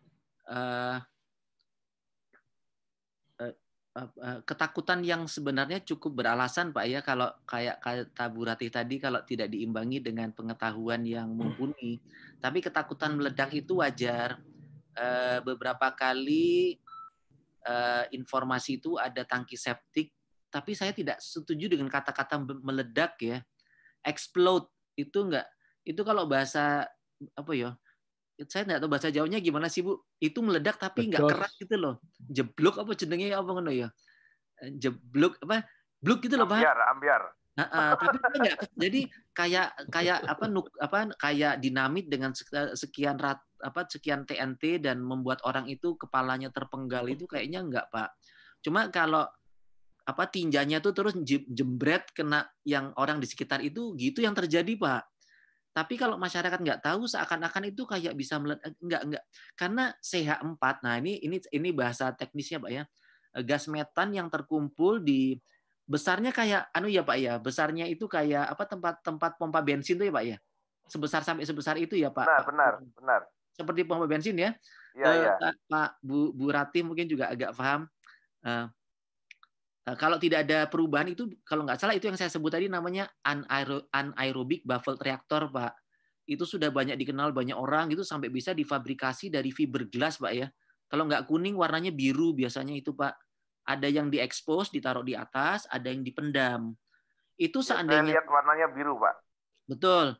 Itu biasanya dikirim dari teman-teman dari Jogja atau nggak tahu di Jawa Timur ada yang buat atau mungkin Sulawesi Selatan bisa membuat itu itu mungkin uh, isinya bisa sampai uh, cukup besar itu Pak, beberapa bisa sampai ribuan mungkin ya kibik ya mungkin sampai ya. Uh, untuk bisa sampai 25 rumah itu Bapak, sampai 30 rumah, sampai 50 rumah pun mungkin bisa, tergantung speknya yang dipesan. Tapi itu, itu dikuras juga, Pak. Oh iya, Pak, itu jeleknya. Jadi sering kali setelah dikasih itu tuh di lapangan itu nggak ada yang pengurasan Bapak kalau pengen belajar itu datang ke Gresik, Pak ya. Di Gresik itu ada sekitar ratusan kayak gitu di di di Gresik. Itu mengapa mungkin menjadi contoh nasional eh, Pak Ir mungkin sama Bu Rati bisa nambahkan saya karena mengurasnya konsisten. Tapi banyak lagi di kabupaten kota lain itu eh, apa bukan muspro tapi eh, apa menjadi menjadi apa ya tidak tidak jalan karena memang tanpa dikuras berharap air yang keluar di efluen itu anu apa sesuai dengan baku mutu, nggak bisa itu Pak. Jadi mudah-mudahan CH4 yang tertahan karena suasananya anaerobik itu nggak akan meledak kok Pak. Ya. Karena nggak banyak gitu. Saya tambahkan ya, ya. sedikit, ya. Pak Ya. Saya tambahkan sedikit. Ya. Uh, pengalaman kemarin pernah dengar masuk di televisi jamban meledak, meletus, meledos, apa tadi ya, ambiar, apalagi lah kata-kata itu ya. Itu ada di televisi. Sebetulnya uh, pengalaman yang saya punya sangat sederhana. Jam jamban, apa pun tangki yang disebutkan, ya, apalagi septik ya, apalagi tangki yang eh, terbuat dari apa pun termasuk fiber, ketika masuk dalam tanah, jangan lupa yang diperhatikan adalah udara, lubang udara. Nah, lubang udara itu sangat penting. Jadi ketika ada orang yang macet gitu ya, Pak ini tinjanya nggak masuk-masuk di dalam kloset saya, eh, baik itu duduk ataupun jongkok. Ketika nggak masuk, sederhana. Coba cari aja angin-anginnya atau udaranya itu pasti buntu. Nah, untuk meng, itu ya ketika buntu. Ketika tidak buntu, ketika uh, kloset teman-teman ada di sini ini normal, coba dicek angin-anginnya boleh ditutupi pakai plastik, ya, tapi tidak rapat. Artinya rap, plastik tas kresek itu diikat kanan kiri, ya. Kemudian klosetnya disiram pakai air satu ember jika ya di angin-angin itu plastiknya apa apa bu melembung apa bu namanya menggelembung pak menggelembung. menggelembung itu berarti angin-angin septic tank itu berfungsi berarti aman tidak ada kata meledak ya tidak ada kata meledak walaupun tadi disebut sama bapak tadi ada sia pat atau gas metan itu jadi ketika sudah ada udara aman ya berarti udaranya yang tidak beres ya jadi septic tank itu yang paling penting adalah ada gas buangnya di atas septic tank itu. Itu tambahan dari saya. Dan jangan lupa masyarakat sekarang ini sebetulnya masih membutuhkan jamban jutaan. Ya. Mungkin pemerintah sudah melakukan antisipasi. Hmm. Bagi pengusaha tidak usah takut, masih ada peluang banyak karena pemerintah akan membantu mereka-mereka yang tidak mampu saja. Bagi hmm. yang mampu, berarti ada peluang, ada pasar, ada segmentasi pasar yang ada di dalam uh, peluang kita. Ya, tidak usah takut dan tidak usah malu. Terima kasih. Terima kasih Pak Ir. Satu pertanyaan lagi Pak Edot, terutama ini uh, tentang teknologi masih dari Kalimantan Tengah, yaitu uh, apa solusi TTG untuk septic tank terapung ya terapung hmm. dan RPS yang sudah diuji di laboratorium dan mempunyai hak paten karya teknik sipil Universitas Palangkaraya. Hmm. Ini khusus solusi sanitasi untuk daerah spesifik yang digunakan Kementerian Kesehatan dan Kementerian Desa eh, beberapa kabupaten di Kalteng dalam percepatan ODF. Jadi ada ada teknologi itu Pak Edot. Bagaimana menurut Pak Edot? Itu ya tanya Bu Leli itu, Bu Leli kayaknya. Ya, ini Bu Leli. ya. Bu Tuti, kalau Bu Tuti masih punya apa eh, waktu berdiskusi sama teman-teman TV desa, tidak ada salahnya walaupun eh, kalau yang disebutkan Pak Irianto tadi itu mewakili eh, populasi yang terbanyak dari masyarakat Indonesia. Jadi ber, ber, berbicara mengenai uh, uh, sanitation marketing, kita memang berbicara yang kayak Pak Ir karena yang membutuhkan teknologi yang Pak Ir lakukan tuh banyak. Sedangkan yang disampaikan Bu apa Ibu Bu Leli ini itu uh, not a big amount of people. Tapi kalau kita mengatakan universal access ya kan uh, nggak usah apa ya pokoknya uh, no, nobody left behind gitu ya. Artinya orang itu apakah dia di Kalimantan Tengah, apakah itu di Jawa Tengah, semuanya harus punya jamban Bu dan jamban-jamban sehat. Nah, mungkin untuk a, a certain group of people yang tanahnya airnya gambut, tindangnya itu mungkin perlu dibahas dengan teman-teman TV desa, Bu. Kalau yang hari ini memang kita membicarakan yang uh, uh, uh, almost common ya, di ya. Semarang, di Jogja, tapi jangan jangan di, jangan dianggap bahwa semua persoalan itu bisa diselesaikan dengan teknologi yang seperti ya, itu. Nah, ya. mungkin teknologi beginian, hybrid teknologi begini, ya. siapa tahu di, bisa diwadahi oleh TV desa dan kita membicarakan ini untuk tempat-tempat di Papua, di Sumatera, di Kalimantan yang memang air tanahnya tinggi, Bu. Tanah gambut, ya. Ya, tanah gambut dan sebagainya gitu. Bu. Memang ini waktunya sangat terbatas dan kita masih punya sisa ini ya, sisa yang perlu didiskusikan yang tadi disampaikan Pak Edot ini banyak yang spesifik sebetulnya kondisinya hmm. di uh, Indonesia ini sehingga harus memang uh, diskusinya lebih teknis lagi ya dan membutuhkan waktu yang lebih panjang. Jadi kami mohon maaf Bapak Ibu para kerabat TV Desa yang saya hormati uh, waktunya habis dan sudah lebih dari jam 20 tapi saya yakin kita masih semangat untuk membahas uh, persoalan sanitasi dan mungkin Uh, nanti saya akan minta izin lagi Pak Edward, Pak Ir, Bu Ratih untuk bisa dijadwalkan ulang untuk uh, lebih tajam membahas untuk yang tidak common tadi ya Pak Edut ya, yeah. yang kondisi kondisi-kondisi spesifik. Saya mewakili SDG dan SDG ITS dan TV Desa sangat berterima kasih atas kehadiran tiga narasumber yang luar biasa dan juga atas antusiasme dari para uh, apa itu namanya peserta ya yang menyaksikan melalui uh, Zoom dan ini cukup banyak. Dan ternyata cukup luas jadi bukan hanya dari Jawa saja apalagi dari Jawa Timur saja tetapi dari seluruh Indonesia saya kira ini uh, momen yang sangat bagus dan kita akan lanjutkan di diskusi yang berikutnya sekali lagi terima kasih Pak Edot Bu Ratih dan Pak Kun atas kehadirannya dan atas pencerahannya.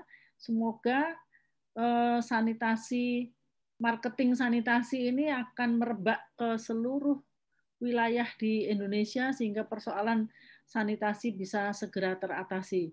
Dan mungkin hmm. menarik juga Bu Ratih kalau kita hitung, eh, kita evaluasi misalnya berapa sih keberhasilan dari eh, model marketing sanitasi yang berbasis pemberdayaan masyarakat ini. Karena kan ada uang dari pemerintah, ada uangnya eh, masyarakat sendiri. Nah, ini tingkat kesuksesannya seperti apa? Ini sangat menarik juga untuk bisa dikaji ya, Bu ya. Terima kasih. Eh, selamat malam para kerabat TV Desa yang saya hormati. Sampai di sini jumpa kita dan kita akan segera jumpa lagi di lain waktu untuk membahas hal yang sama dan hal-hal yang terkait dengan dengan pengembangan desa sesungguhnya. Terima kasih Pak Ir, terima kasih Pak ya, Sama-sama. Ya, tidak ada tidak ada foto bersama ini, tidak ada. Oh.